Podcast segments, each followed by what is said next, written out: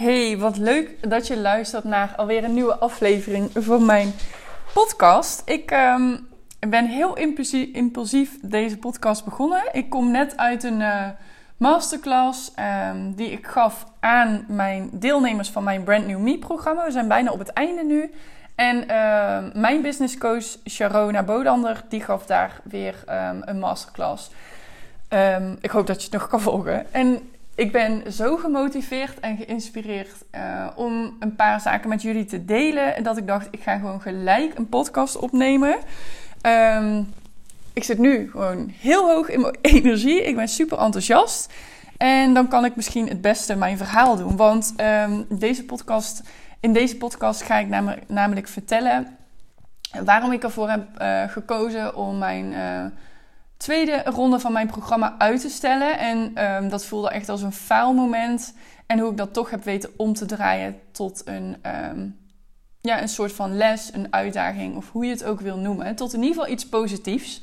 En ik hoop dat ik je met dit verhaal kan inspireren. Want um, ik wil gewoon een duidelijk beeld scheppen dat bij andere ondernemers gaat het nooit zoals uh, je alleen maar op Instagram ziet. En ik ben sowieso heel erg van het proces delen. En bij een proces hoort ook uh, dat dingen niet goed gaan. Dat je bijstelt, dat je opnieuw dingen probeert, dat je opnieuw begint, uh, dat je een andere strategie uh, gaat hanteren. Noem maar op. Een proces is geen rechte lijn naar het einddoel. Het zijn golfjes van, pieken, dalen, pieken, dalen. Maar uiteindelijk ga je in een stijgende lijn naar boven. Daar ben ik van overtuigd. En daar gaat deze podcast over. Het is namelijk zo dat. Um, de uh, eerste ronde van mijn programma, mijn Brand New Me programma. En dat over uh, personal branding gaat. En over je mindset en wie je nou bent. De uh, missie die eruit komt. En hoe je dat omzet naar een supersterk en herkenbaar merk. Waar klanten echt op afkomen. Dus echt puur door jezelf te zijn. Door slim gebruik te maken van online zichtbaarheid en een verhaal vertellen. Daar ga je echt de juiste klanten mee aantrekken. Daar ja, ik geloof daarin omdat ik zie dat het zo is. Er zitten echt de allerleukste deelnemers in mijn programma. En um, daarom wilde ik heel graag zo snel mogelijk het tweede, of de tweede ronde van dit programma starten. Want we zijn nu bijna op het einde. Um, terwijl ik dit opneem is het 17 december. Dus we gaan richting het einde van het jaar heel snel. En ik dacht, hoe leuk zou het zijn om het nieuwe jaar te starten met een nieuwe groep ondernemers. Um, die met een nieuwe start hun merk zo sterk neer gaan zetten dat ze een vliegende start maken uh, in het nieuwe jaar. Um, ik had um, ruim 40 mensen of vrouwen zelfs op mijn wachtlijst staan voor deze tweede ronde. Dus ik dacht, als ik het op een slimme manier um, lanceer met um, een supermooie korting, een supermooie bonussen, dan um, zijn die contacten die toch al interesse hebben, dus die 40 mensen op die wachtlijst, daar kunnen er zeker 15 van in mijn programma komen. En 15 was eigenlijk het uh, maximale wat ik in mijn programma wil. dus ik dacht, hoe moeilijk kan het zijn? En ja, noem het naïef, noem het positief. Ik weet het niet precies. Ik vind zelf heel leuk dat ik zo in het leven sta.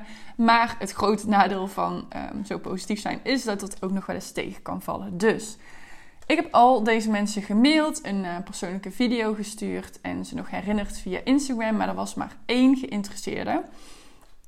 En daar ben ik super blij mee. En die is ook ingestapt. En die enige geïnteresseerde.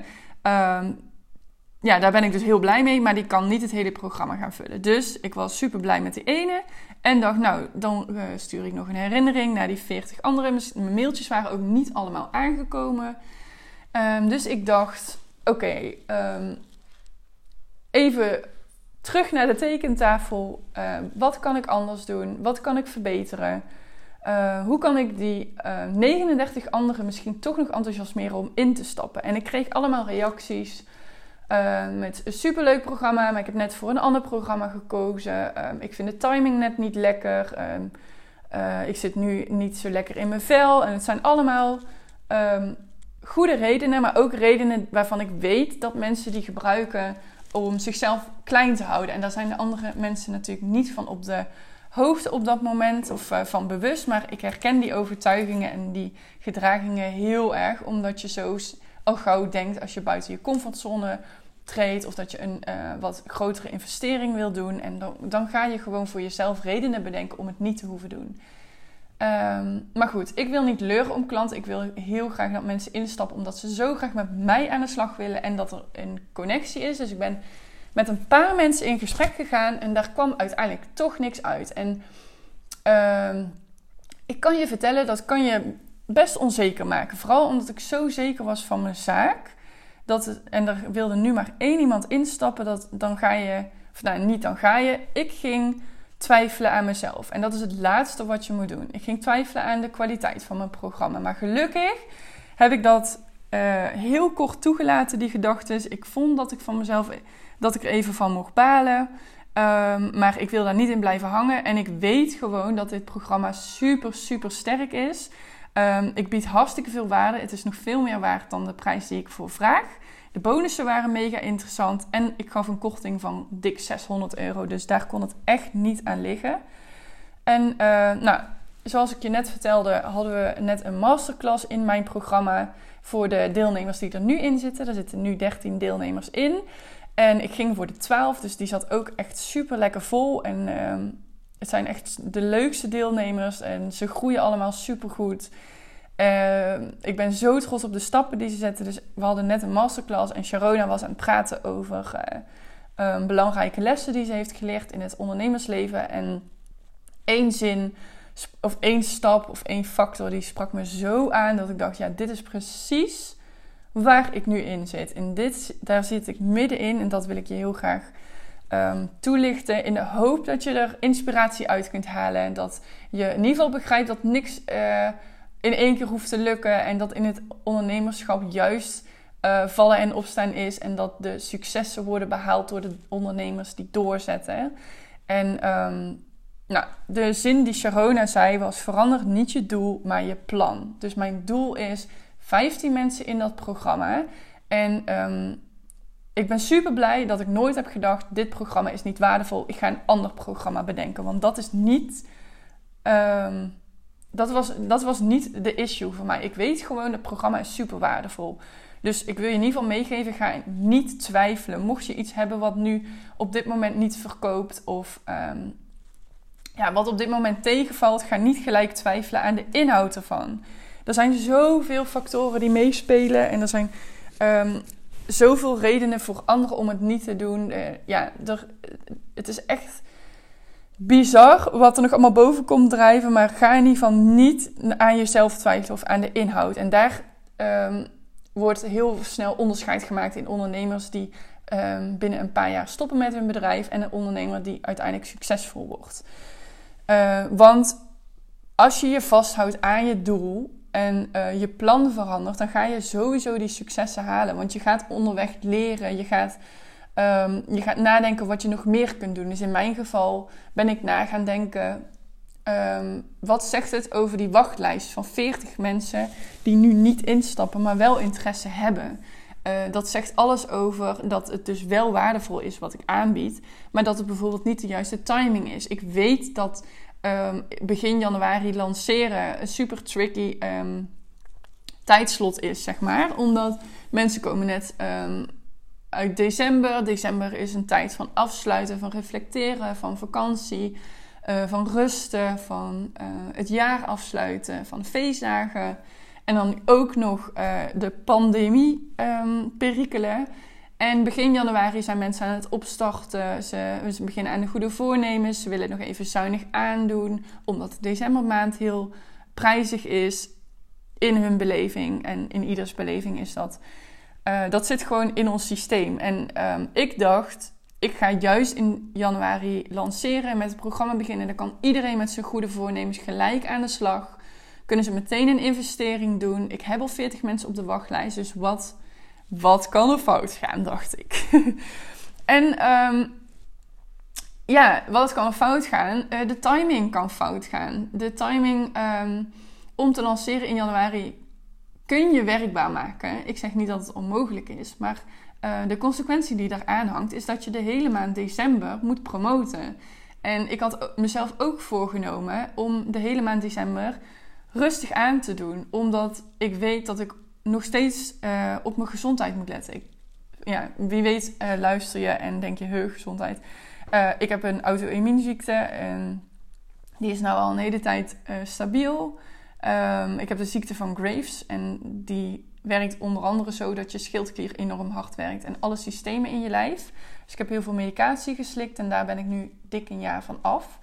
Uh, en ik voel me eigenlijk heel goed, maar ik heb af en toe nog een terugval dat als ik te veel heb gedaan, dat ik dan even goed kan instorten qua energie. En dat ik dan echt even één of twee dagen moet bijkomen van bijvoorbeeld één intensieve dag. Waar ik vroeger ja, uh, die dagelijks achter elkaar kon draaien, die intensieve dagen. Dus ik vond het voor mezelf echt even belangrijk om na het lanceren van dit programma in, uh, of in december dus die rust te pakken.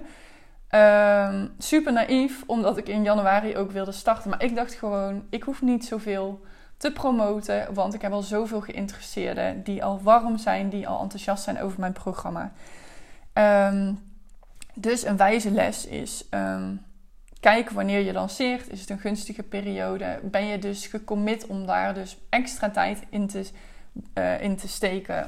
Als je weet dat de, dat de decembermaand bijvoorbeeld de maand is dat je daar dus extra hard aan moet trekken en dan nog harder moet werken of werken aan je marketingplan moet werken, omdat december weer moeilijker is of januari moeilijker is om te lanceren.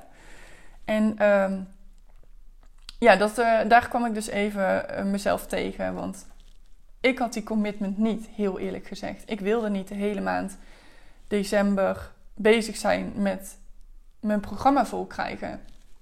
En omdat ik daar niet mee bezig wilde zijn, voelde ik die flow niet. En eigenlijk zat ik zelfs in een anti-flow. Ik voelde, ik voelde gewoon niet de drang om super hard te werken of überhaupt aan dat programma te werken. Ik wilde juist even een helikopterview pakken. Ik wilde boven mijn bedrijf hangen, reflecteren, doelen bepalen. En ik kan niet alles tegelijk. En vooral niet in de maand dat ik uh, weet van mezelf dat ik dan even extra rust moet hebben voor mijn gezondheid. En het kwam gewoon even niet samen, waardoor ik echt in een anti-flow zat. En wat ik dus net heb geleerd in die masterclass, of dat inzicht heb gehad, um, ik ben echt gaan kijken naar dit ja, tussen haakjes probleem.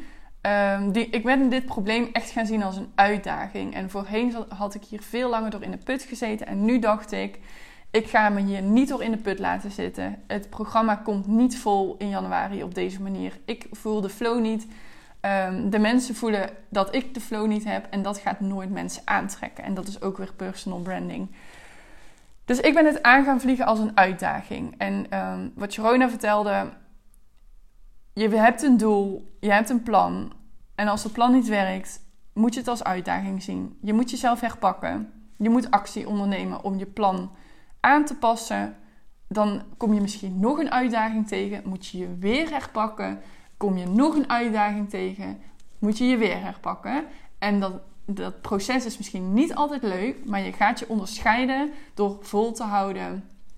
En uiteindelijk actie te nemen totdat je bij dat succes bent. Dus de, onderweg heb je die uitdagingen en die herpakkingen nodig om tot dat succes te komen. En Um, ik geloof er ook heilig in dat iedereen dat kan, zolang je maar niet opgeeft. En zolang je maar niet teruggaat naar: oké, ik ga mijn doel dus veranderen. Ik moet een ander programma maken, want deze is niet waardevol. En dat je daar terug naar een nieuw idee gaat. Wat dus echt een valkuil is voor heel veel ondernemers.